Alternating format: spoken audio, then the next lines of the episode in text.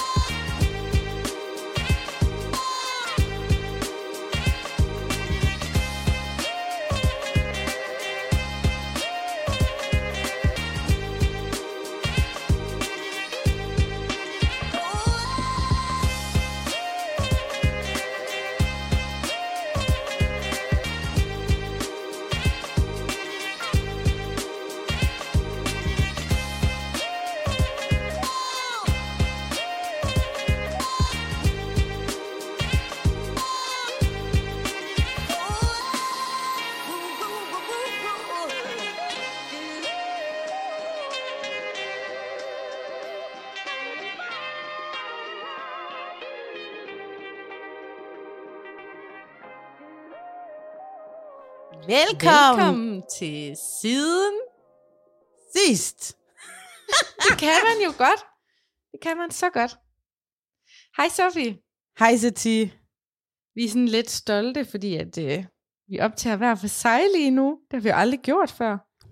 Det er første gang. Altså, jeg kan ikke love, at jeg ikke kløjs lidt i det, men øh, det er et nyt format, jeg lige skal vende mig lidt til, ikke? Vi gør vores bedste. Vi kan se hinanden på en skærm, og så optager vi hver for sig, så det bliver rigtig god lyd til jer, der lytter med. Så sending live from Aalborg and Garill. Jeg har sådan tænkt på, hvad, hvordan skal vi gøre med vores snacks? Er det noget, vi kun gør, når vi øh, mødes med hinanden, eller bliver vi faktisk nødt til at sådan købe den samme snack? Det kunne jo være vildt hyggeligt at købe den samme. Jeg har også tænkt på sådan noget med, om jeg skulle lave sådan en lille snackkurv til dig, sådan at du kan åbne den selv og se, hvad jeg har købt til dig. Sådan lidt pakkekalender-agtigt. Ja. Øh, den er jeg med på, og så kan jeg jo gøre det samme til dig, ikke? Ja, vi, vi finder en plan for snacks. Den har vi godt nok ikke klar i dag, den plan. Nej. Altså, jeg, jeg kører også stadigvæk, øh, som vi talte om i vores lille sidste korte quickie, sommerferie-mode. Du er i flytningsmode. Du har lige haft en ryg, der har været sat helt ud af spillet, ikke? Ja, det er Ja. rimelig meget status fra mig. Hvad er status fra dig? Status er, at jeg stadigvæk er, er meget alene med mine børn, fordi Lars han har nogle, nogle deadlines, og det er jo sommer, og det er varmt, og vi prøver at komme lidt ud og lidt rundt, men øhm, det er ferie for fan. Og jeg håber også, at jer, der lytter med derude, har noget ferie, eller holder noget ferie, eller bare har en god sommer. Altså alt går altid lidt i stå om sommeren, ikke? Altså, Jo, det er rigtigt. Faktisk den landsby, vi er flyttet til, vi har fået et chok over, at der ingen mennesker er her. Altså fordi før, så øhm, når vi kiggede her sådan om vinteren og sådan noget, eller gik en tur i foråret, så var der mange mennesker sådan på gaden, og folk man kunne vinke til og sådan noget.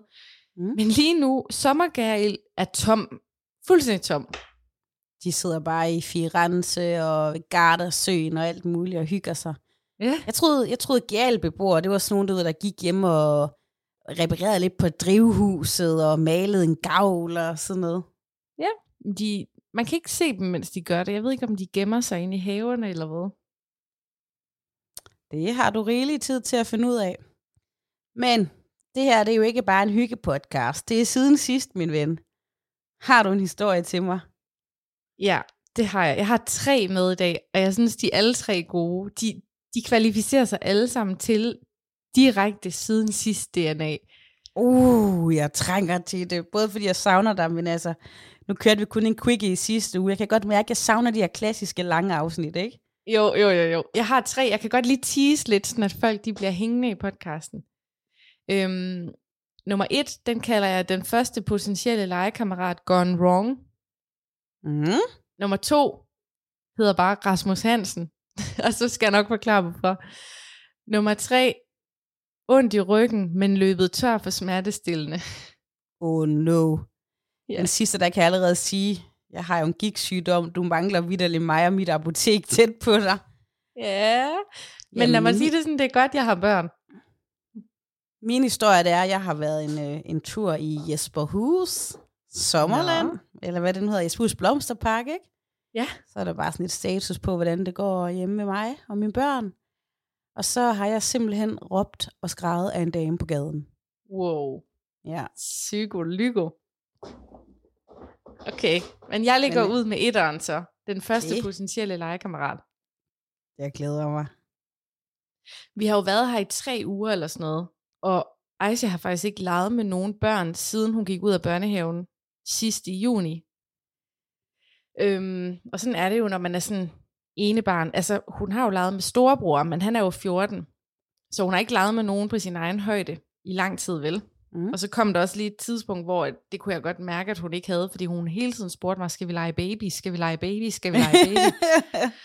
og så var jeg sådan, okay, nu har vi været her og sådan landet og kender huset og sådan noget, nu kan vi godt gøre en indsats for at finde en legekammerat. Øhm, og jeg har faktisk skrevet til en, jeg kender her i byen, om han kunne mødes og lege, men hans, ham og hans børn var i København.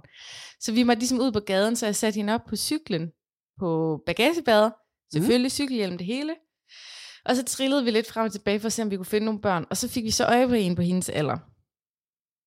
Øhm, og så gik vi over til det der hus, hvor moren stod med en barnevogn, og så hende her pigen, der lignede sådan en femårig på Aisas alder eller sådan noget. Og så siger vi sådan, hej, og vi tilflytter, og vi kunne bare så godt bruge en legeaftale og sådan noget. Vi snakker lidt, og de er mega søde, og det viser sig, at de har faktisk også kigget på vores hus. Nå, spændende. Øhm, og jeg tænker sådan, wow, der er virkelig en god åbning her. Vi har en legeaftale inden for fem minutter, ikke også?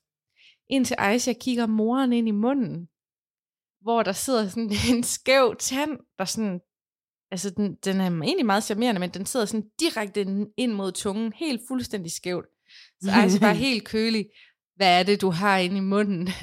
og, så, og så begynder moren at forklare sådan, Nå, men det var fordi, jeg suttede på tommelfinger, da jeg var lille og sådan noget. Og jeg prøver bare sådan, du ved, at holde den kørende og sådan, Nå, hvor længe har I boet det i der, Gærhild? det er en forældres værste mareridt. Og Aisha kommer bare helt køligt ind. Jeg synes, det ser uhyggeligt ud med din tand.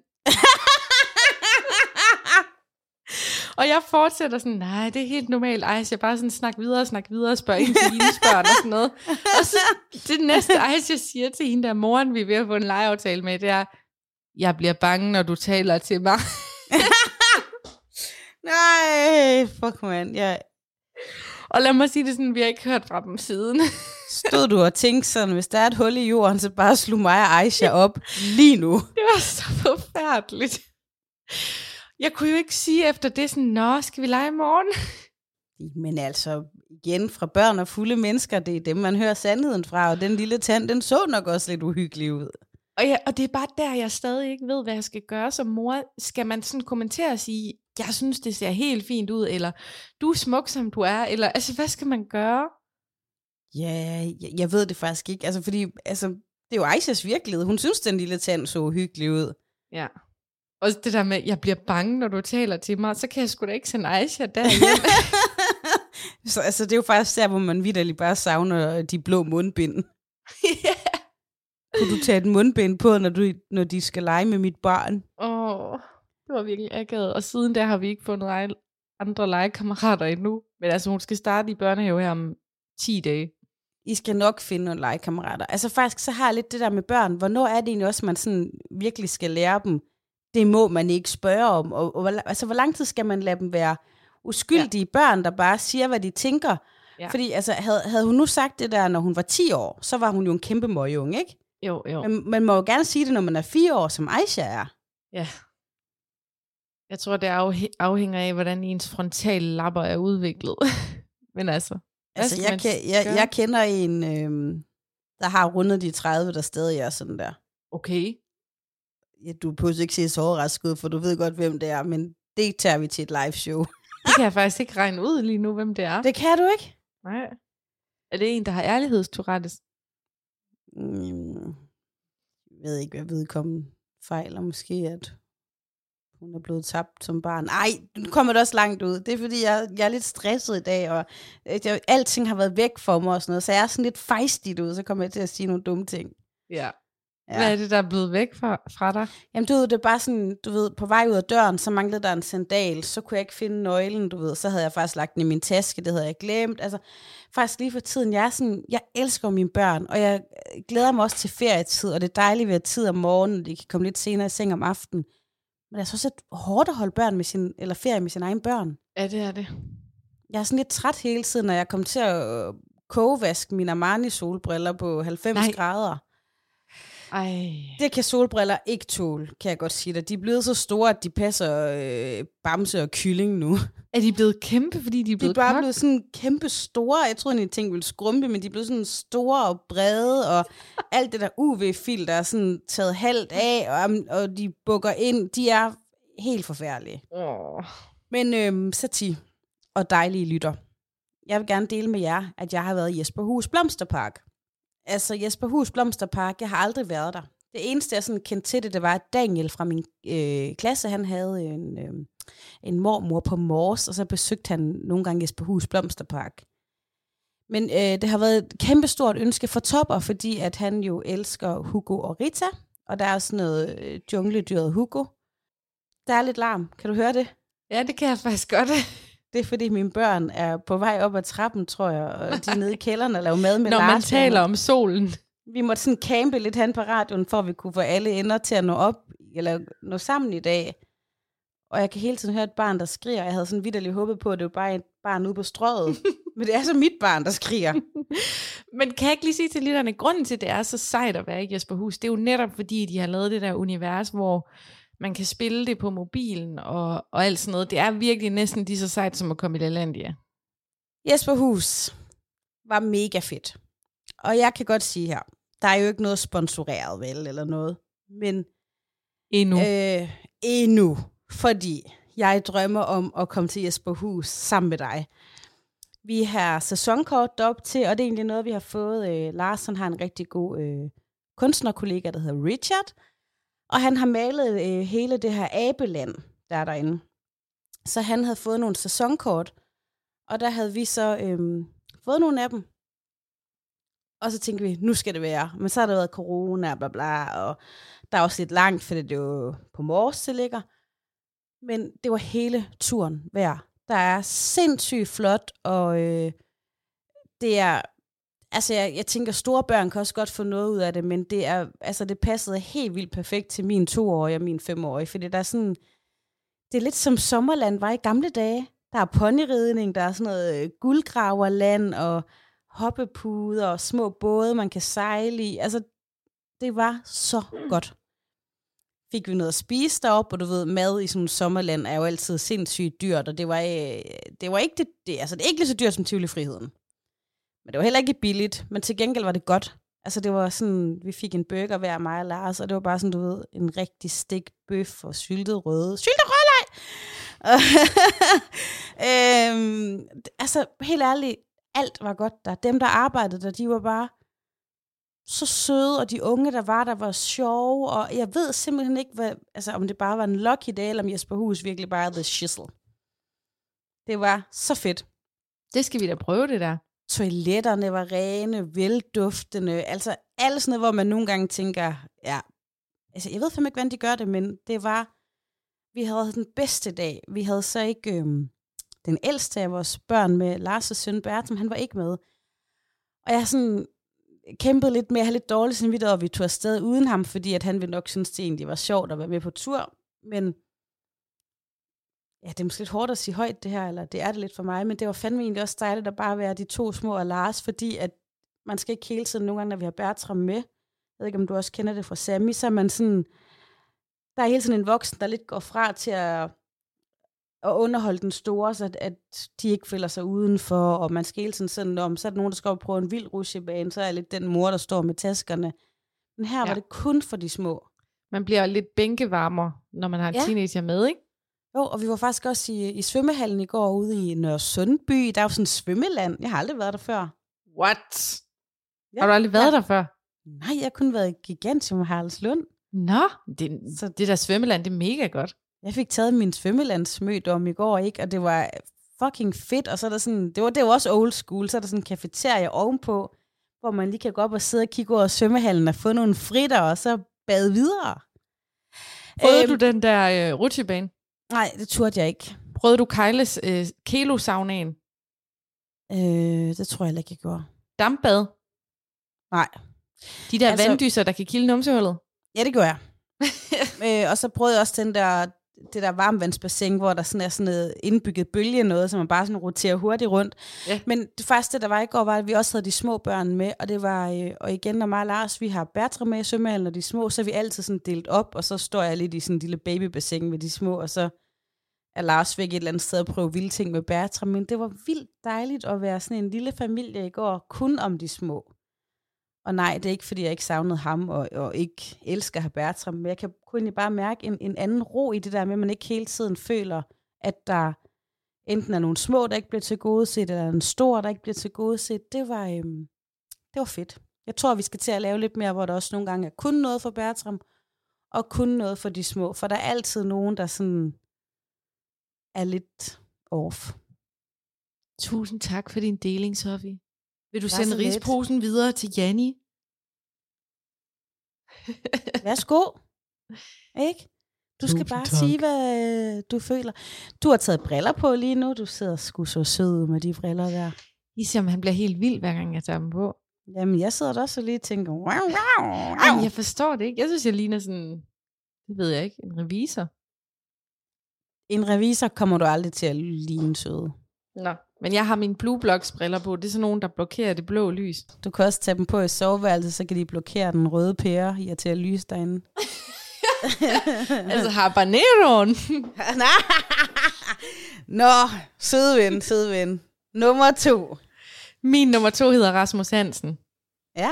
Og det plejer jo at være sådan, at vi godt kan finde på lige at censurere folks navne, fordi man skal helst ikke kunne genkende folk i virkeligheden. Men her, Mhm. der er det et ægte navn. Det er Rasmus Hansen. Og lige om lidt vil du forstå, hvorfor jeg godt kan sige, sige hans rigtige navn.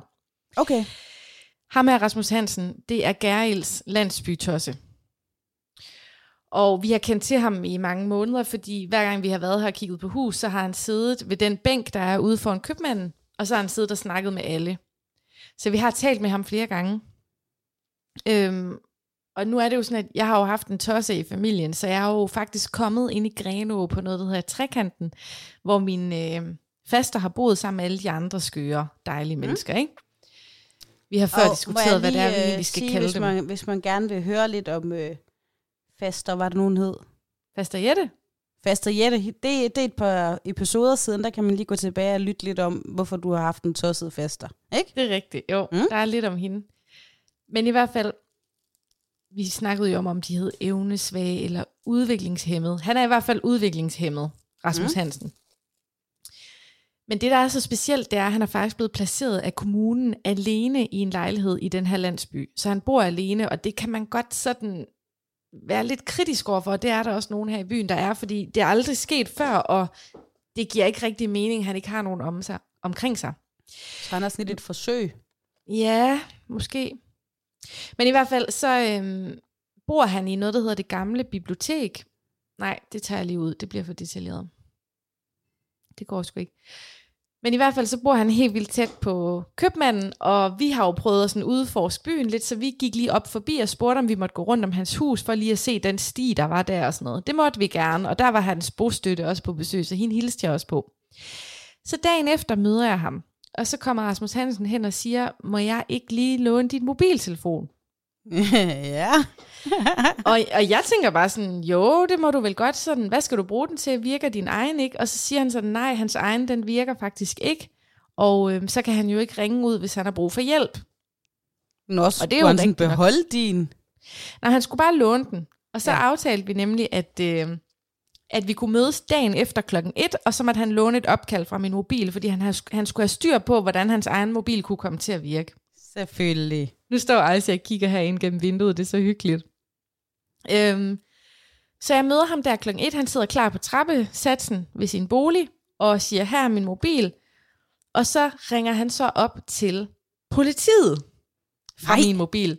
Han starter, han starter Nej. lige med at sige sådan... Det er altid, Øhm, det er altid dig og politi, ikke? Altid. Jamen, det er fordi, jeg er en true crime pige indeni, uden at ville være det. det første, han gør, det er, at han siger, øhm, han siger, jeg sætter lige skjult nummer på din mobil. Så siger jeg sådan, hvorfor det? og så siger, så siger jeg, det vil jeg godt lige selv gøre, Rasmus. Og så går jeg sådan selv ind, hvor, hvor finder man skjult nummer, og jeg prøver sådan fem minutter, så siger han, jeg ved altså godt, hvordan man gør det, og så gør han det så, laver skjult nummer. Og så ringer han til politiet, og jeg er bare sådan, what the fuck? Så sidder jeg ved siden af, og så ringer han så, fordi at hans egen mobil er blevet spærret, så skal han have en form for, hvad kan man sige, ophævning af den spærring ved politiet. Nå, ved politiet? Ja, i mellemtiden, mens han snakker med politiet, som faktisk er rigtig søde ved ham, jeg hører det jo sådan lidt uden det på højtaler, men jeg kan godt høre det. Mm. Så går jeg lige ned til købmanden, fordi jeg tænker, at det her det kommer til at tage mindst en halv time, og det er mega varmt, så jeg køber lige noget at drikke til os. Så jeg går bare fra ham, mens han sidder med min mobil og taler med politiet. Så går jeg ned til købmanden, og så står der en skøn købmand, der hedder Vibe dernede, og så siger hun, hej, velkommen til, jeg har slet ikke fået sagt hej og sådan noget. Så siger jeg, øhm, i øvrigt Vibe, ham der, Rasmus Hansen der, hvad er han egentlig for en? Det er bare fordi, han har lige lånt min mobiltelefon. Og så siger hun, det har han vel ikke? jo, det har han vel ikke. Han er en svindler. Seriøst? Ja, han er en svindler, ja. Og jeg får bare mega meget sved på panden, fordi jeg har sådan investeret i den der mobil. Det er min arbejdsmobil, ikke også? Den Og er helt bare, ny. Jeg tænker bare, er han ved at stjæle den måske? Så jeg køber de der ting færdige, og så prøver jeg sådan at tage det roligt og slendre op til hans hus igen, og så sidder han så stadig på trappesatsen med mobilen. Men nu har han så ringet af med politiet, og så siger han, nå, hvordan gik det så og sådan noget. Og så viser han mig en mailkorrespondance på sin egen mobil, hvor, ja, seriøst, hvor han har, øh, hvor han har snakket med det her teleselskab, han har købt mobilen af, omkring det her med, at hans mobil er blevet spærret, selvom han har betalt to gange. Men Og nu jeg kan jeg forstår godt... stadigvæk ikke, hvorfor politiet er med i den her. Jamen, altså, det er faktisk fordi, det er politiet, der har spærret mobilen, fordi den jo er stjålet. Hans, Nå. hans egen mobil er stjålet, ikke også? Og det begynder så at gå op for mig, at der er et eller andet her, der ikke hænger sammen. Men så vil han gerne låne min mobil igen, fordi han gerne vil ringe til det her selskab, han har købt den af. Og så hører jeg jo hele den samtale også, og kan sagtens lægge to og to sammen.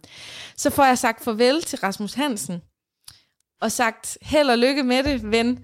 Og så ringer jeg faktisk op igen til det nummer, jeg kan se, han har købt den der mobil ved dem, han talte med i lang tid. Og så ham der på den anden side, han er fuldstændig flad af grin, fordi jeg var sådan, det er altså mig, der lige har lånt min mobil ud, øh, og jeg har siddet og hørt det hele, og så er han bare sådan, det skal du ikke gøre en anden gang.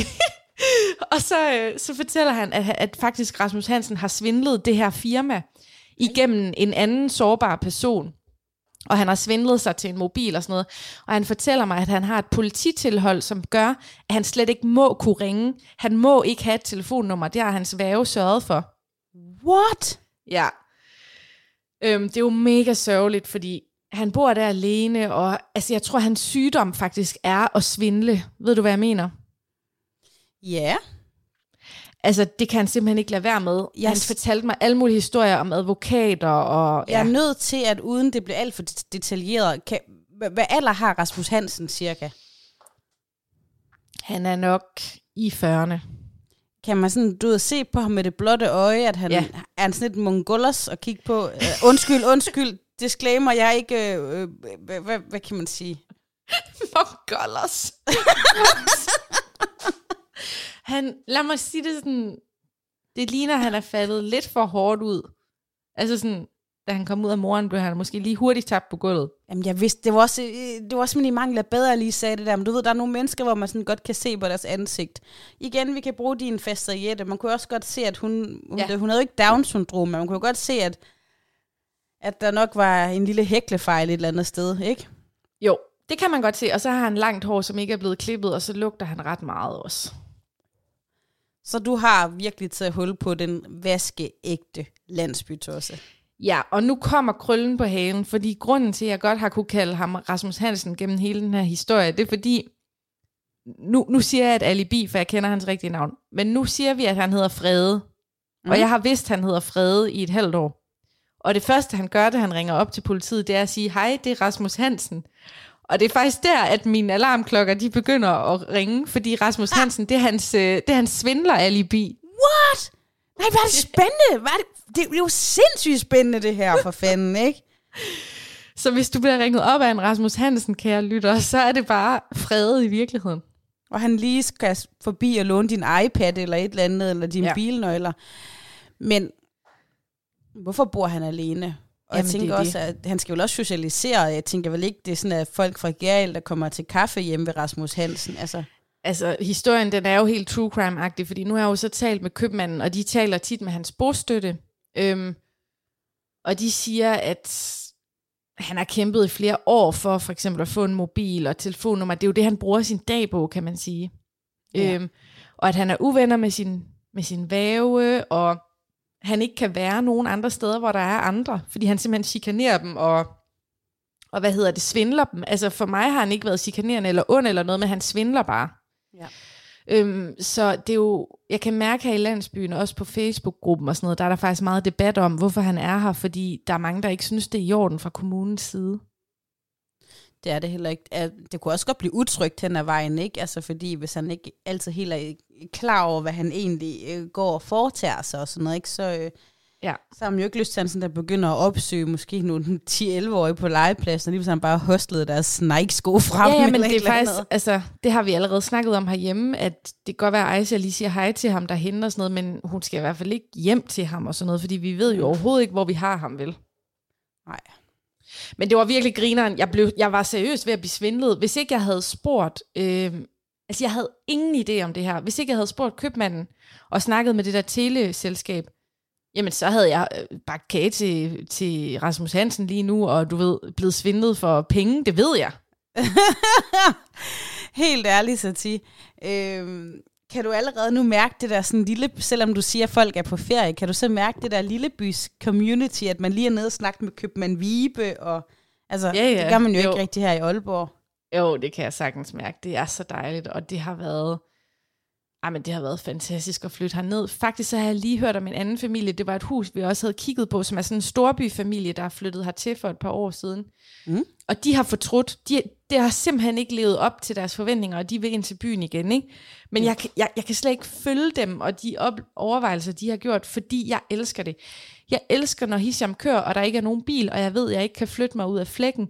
Jeg elsker at være nede ved en, der bor i Gærel, som jeg har mødt på Instagram, som fortæller mig om hele hendes liv her, og alle de her mærkelige ting og, og påfund, der er i landsbyen, og jeg, jeg er fuldstændig hjemme, og jeg elsker det. Og det skulle have været sådan her hele mit liv. Altså. Så er du jo det rigtige sted. Altså, jeg, jeg kan godt blive draget af sådan små byer, og også synes, det er enormt hyggeligt at sådan tænke sådan alle børn i Bullerby-stemning, men nu har jeg bare boet 20 år midt i byen, og jeg, jeg, jeg er ikke helt klar til det der.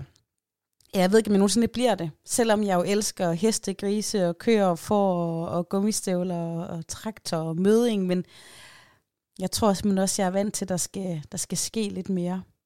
Ja, men, men det, der er så vildt, det er, at i de sidste tre uger af vores liv, er der sket mere, end der skete inde i Aalborg for mm. os. Fordi der er så meget, man kan tage til. Der er festival, der er musik, der er loppemarked, der er, altså, vi har været på slottet og spise. Altså, vi, jeg kan allerede mærke nu, vi bliver mere aktive af at være her, end ja, vi var inde i byen. Godt forstå. Mm.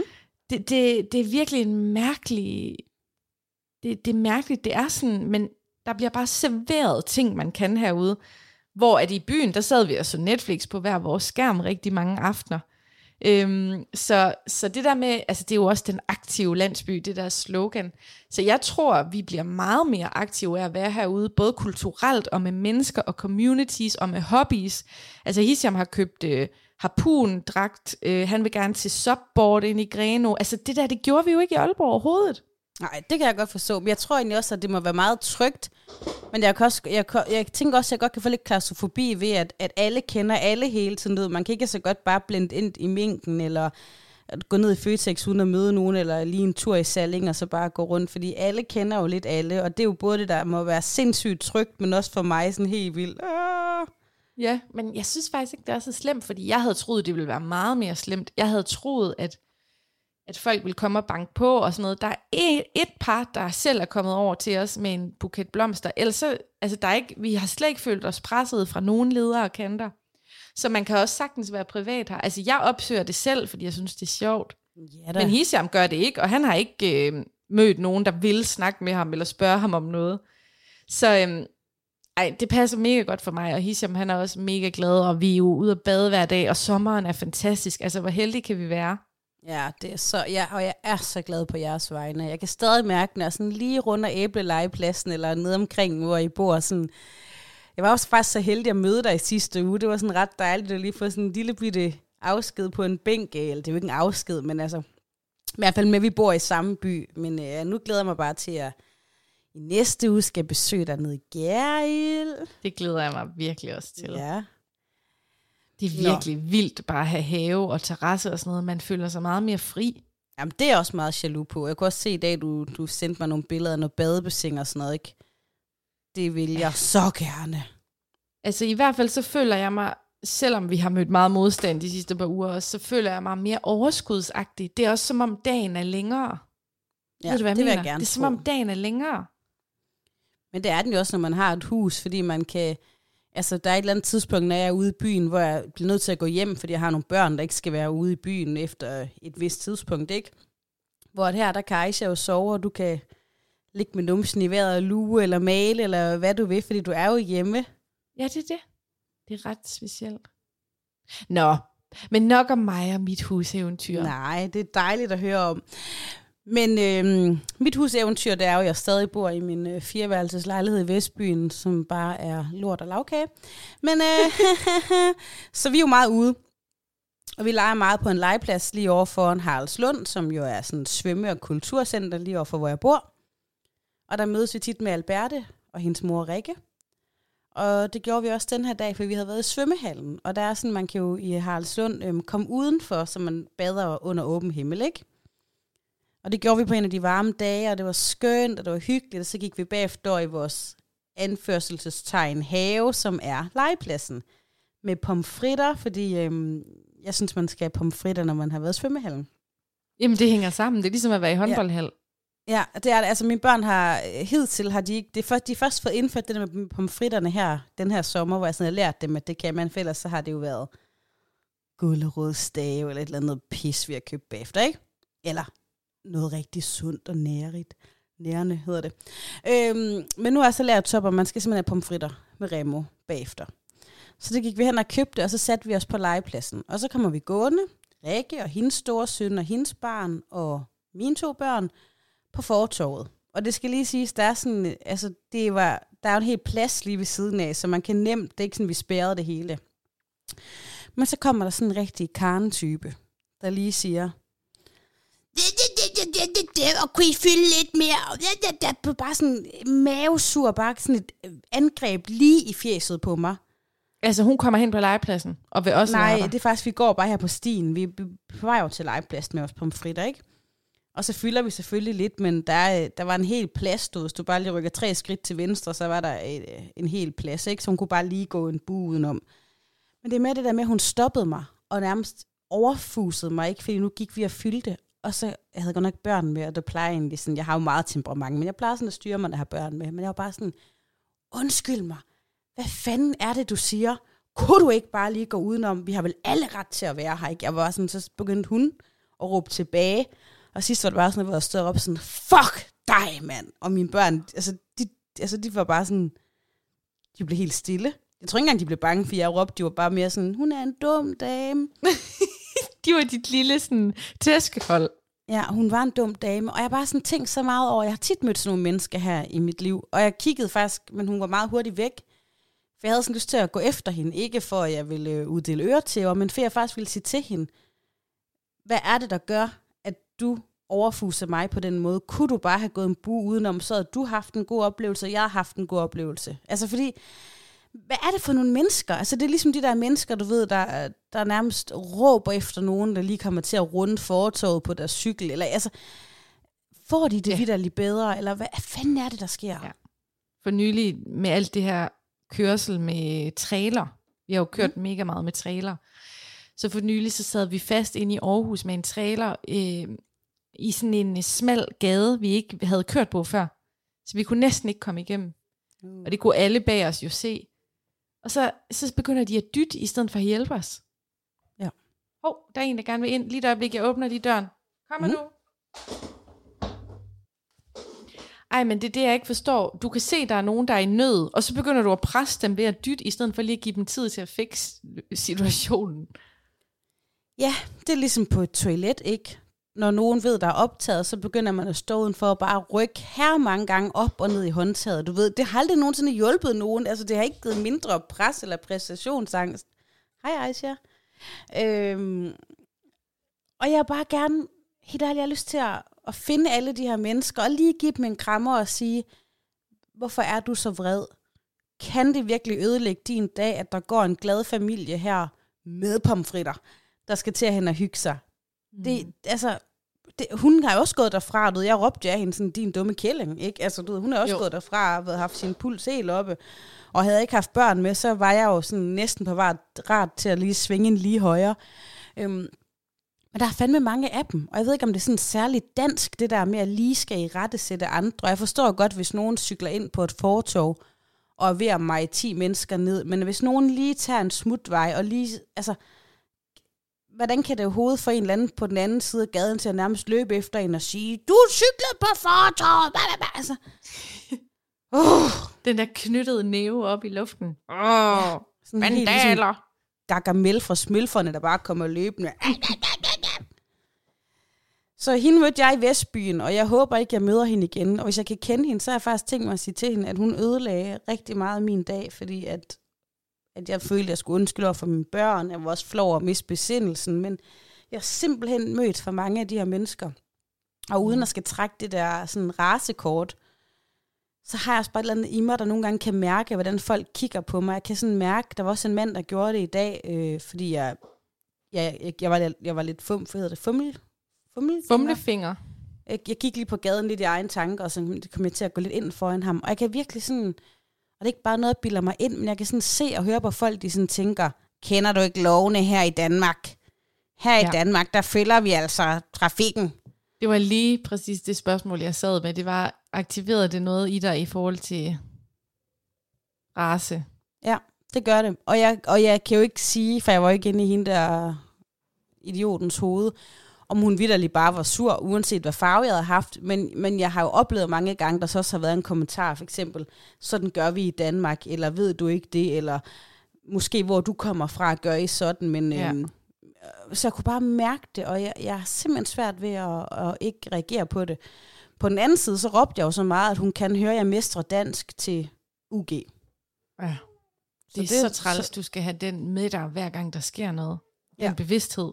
Det er fuldstændig invaliderende jo. Min veninde Rikke, hun sagde faktisk, for jeg sagde til hende, og jeg kan ikke finde ud af, om hun bare tænkte, der går en eller anden dum afrikaner, der ikke kan finde ud af det, så sagde hun, ej, sådan er der forhåbentlig ikke nogen, der tænker det. Og så vi har egentlig aldrig talt om det, Rikke og jeg, så sagde hun, hører du nogle gange sådan noget? Så jeg var bare sådan, ja, det gør jeg da, det har jeg gjort hele mit liv. Altså jeg sagde også til hende, det må du forvente, det gør alle farvede Præcis. mennesker. Ja. Og, så, og hun var helt overrasket, Rikke. Hun er også bare så sød og dejlig og godhjertet, og kunne slet ikke forestille sig det, men Nej. det var bare lidt crazy, jeg faktisk også måtte sige til hende, jamen det skal du vide, alle, alle, alle mørke mennesker. Men, der, men tit så tager man ikke engang nu tit, så er det, for man bare blevet så vant til det, ikke? Ja, ja. Altså sidste gang vi flyttede, det er jo tre år siden, der gik der ikke mere end få uger, før vi havde to sæt naboer imod os. Og det, det, det ene sæt naboer vidste godt, hvad Hisham var for en type. Ja, ikke? sådan en rigtig araber-type. Præcis. Hvad er det for en type, når du mener en højt uddannet mand, der arbejder for Siemens? Er det er det, det, du insinuerer, eller hvad? Præcis. Ja. Men det har vi ikke oplevet i den her flytning. Vi, og ved du hvad, den her lille landsby, den er ret international. Der er syriske flygtninge, der er, jeg ved ikke hvor de er fra, men der er helt sorte, smukke børn, der løber rundt og leger. Der er plejebørn, øh, der er sådan nogle plejefamilier, der aflaster. Mm. Øhm, der er Christina fra Polen. Der er øh, en anden marokkaner nede i en lille landsby tæt på. Altså, der er faktisk rimelig broget. Det er ret fedt. Ej, hvor dejligt. Faktisk så har jeg oplevet også noget andet. Den kan lige snige sig ind til min lille historie her. På vej til Esperhus, så stoppede vi... Øhm... Aisha, hvis du skal være herinde, så skal du være stille. Der, der stoppede vi ved en lille by, Fjerdslev. Men lige den her dag, der var Fjerdslev simpelthen omdannet til et menneskehav, fordi de lukker gaden af, og så er der sådan noget sommerfest og marked. Og så hørte vi noget musik, mig og Lars, noget jazzmusik, og vi ville sådan lige hen og se, hvem det var. Og så var det faktisk selveste Daimi. Nej, det var det, Og Lars han lagde videoer ud af. Ja, og så stod skønne 72-årige Daimi bare der i helt farverigt tøj og overdrevet københavner sang, og så sang hun bare det vildeste jazz med et helt fantastisk orkester. Og det lignede virkelig sådan noget, der kunne være filmet til TV2 Charlie, du ved, fadøl og parasoller og boer og hele fjerdslev, der bare rukket med. Øhm, jeg kigger så godt rundt, og kan faktisk godt se, at der er mange, mange hvide mennesker. Og det kunne Lars også se, for han sagde til mig, da vi gik derfra, lå du mærke til, at du trak faktisk mere opmærksomhed, end selveste Daimi gjorde. Ej, hvor vildt Så var det jeg sådan- rigtigt. Så var jeg sådan, jeg synes godt, folk kiggede. Sådan, så, og jeg tænkte, fordi jeg havde en leopardkjole på, den der store leopardkjole, jeg har med krave og sådan noget, ikke? og jeg havde krøllerne slået fri. Så. Men så sagde han, nej skat, det var fordi, du var det eneste mørke menneske. det var bare Mhm. mm-hmm. sådan, og så 300-400 mennesker lytter på Daimi. Og så var, mener, der var ikke en med tørklæde, der var ikke en brun. Der var, altså, det var kun hvide mennesker. Det var Ja. sikkert mega søde og dejlige alle sammen, men Ja. det var alligevel lidt overraskende, og det er måske også, derfor jeg godt kan lide byen, eller måske sådan en by, som du bor i, hvor man ikke er den der giraf, som alle bare sådan har set. Jamen, ved du hvad, det er jo en kæmpe faktor også i, i forhold til, hvorfor vi flyttede lige præcis herhen. mm-hmm. Det er mega vigtigt, at man ikke føler sig altså, udsat som den eneste i et fællesskab. Jeg kan seriøst ikke huske, hvornår jeg har været et sted, hvor jeg overhovedet ikke har spottet et andet brunt menneske. Men det er selvfølgelig klart, at de kiggede, for lige så står der bare sådan en lille brun dame i, i, i leopardkjole og, og, og danser til jazzmusik. For jeg kunne selvfølgelig ikke være med at danse, når musikken var der i Fjernslev. Der var det bare lidt mere sådan, du ved, vip med en pegefinger, ikke? øhm, så det var faktisk ret sjovt. Vildt. Mm. Men radaren er, altså radaren er hele tiden i gang. Altså du scanner for, om der er nogen, der ligner dig. Er det ikke rigtigt? Jo, det gør jeg vel nok egentlig, for ellers havde jeg ikke lagt mærke til det, men altså, jeg går ikke sådan hver gang, jeg ser et mørkt menneske i byen, sådan du ved, og lige kipper med flaget, eller lige hen og laver sådan et Afrika handshake, den har jo, du en mand. Nej, nej. Men jeg kunne i hvert fald godt se, og det kunne Lars også godt se, at der var ingen mørke mennesker. Nej. Og vi, altså, vi så nok 500-600 mennesker. Og jeg var den eneste brune. Det var fandme næsten som at være barn i Holme igen. Ej, der havde vi også Misty via Nea Jim. Nej. Og min søster. Skal du høre den ja. Sidste historie? Ja, det vil jeg så gerne. Jeg er nødt til lige at lukke døren så, fordi det med min familie ved det ikke. Okay. Jeg har jo haft rimelig ondt i ryggen i fire dage. Mm-hmm. Så ondt, at jeg faktisk har ligget ned. Og jeg har kunne gå i sådan 10 minutter, så har jeg været nødt til at sætte mig ned eller ligge mig ned. Øhm, og det har været ret invaliderende for vores flytteplaner, og ikke mindst, at Hisham han endte med at skulle flytte ud alene fra Aalborg-lejligheden, hvilket var mega synd for ham, i 30 grader, mens jeg bare lå på mer- smertestillende og bare skreg. Øhm, så det har lige sådan udfordret det hele lidt. Og det betyder også, at jeg har taget sindssygt meget smertestillende. Herhen i øh, købmanden, der kan man kun købe sådan nogle 10-packs. Man kan ikke købe sådan nogle store pakker, fordi det ikke er et apotek. Ja. Så jeg har virkelig taget mange forskellige. Ipren, Panodil, Zap, Panodil, alt muligt. Du ved godt, man skal altid huske at blande Panodil Ja, og Ipren. Siger Godt. alle det der. Undskyld. Seriøst, hvad sker der for folk siger det der? Det er sådan noget, folk siger. Jeg har fået det at vide sådan 20 gange på en uge. Det er fordi, det er en cocktail, man tager. Tak for rådet. Jeg ved det godt. Det er bare fordi både min mor og min mormor og min morfar og alle har sagt det. Jeg er bare sådan, jeg er 30. fordi det ene virkestof, det er ibumetin, og det andet, det er paracetamol, og så... Det er jo ikke alle, der ved det. Nej, nu ved lytterne det også. Ja. Øhm, men i hvert fald, så på et tidspunkt, så går det lige godt en dag, og så går det pludselig ikke godt igen. Så der skal jeg så have smertestillende igen, men jeg har ikke mere. Og nu er det jo sådan, at vi ikke lige kan gå ned i 7-Eleven mere. Og jeg havde virkelig brug for smertestillende. Men så var det, at jeg så dybt nede i vores medicinskab, at vi da havde børnepanodil. Men hvad er det nu lige, der er med børnepanodiler? det er... Jeg kender, jeg, jeg kender til, til to slags børnepanodil, ikke? Den ene, det er sådan en lille sukkersprøjte, man sluger, og den anden, det er sådan nogle store, bløde stikpiller til nummibummi. Og nu har jeg en quiz til dig. Lavede jeg en sund smoothie med flydende ban- øh, børnepanodil og hørfrø og det hele, og Ja. tyllede den, Ja. eller stak jeg tre børnepanodiler op i numsen på en gang? det her, det lyder jo nærmest som sådan et quizshow. Michael Karø, han kunne være vært på, når de får stillet sådan et scenarie herop. Nu har vi jo været veninder ret lang tid efterhånden, ikke? Og du har også delt kompromitterende ting her i podcasten før. Du må huske på, at jeg sidder og taler med kvinden, der har tisset i to børneblæer. du har selvfølgelig stukket tre hønseæg størrelse panodil i rumpen. Fuldstændig rigtigt. Og nu skal jeg afsløre noget for dig. Jeg mm. kiggede på pakken omkring, hvor mange kilo, og det var jo pludselig rigtig mange, jeg skulle have op i numsen. Ah! Fordi det er jo ikke særlig mange kilo, det er lavet til, vel? Og nu ved jeg faktisk ikke helt, hvad jeg vejer, men jeg vejer i hvert fald mere end 20 og 30. Lige lidt mere end 30 kilo. Præcis. Så jeg stak bare tre eller fire op, jeg kan ikke engang huske det. Det var så mærkeligt. Men det sjoveste var, at det er det bedste smertedækning, jeg nogensinde har prøvet. Er det rigtigt? Det, jeg fik det så godt, ja.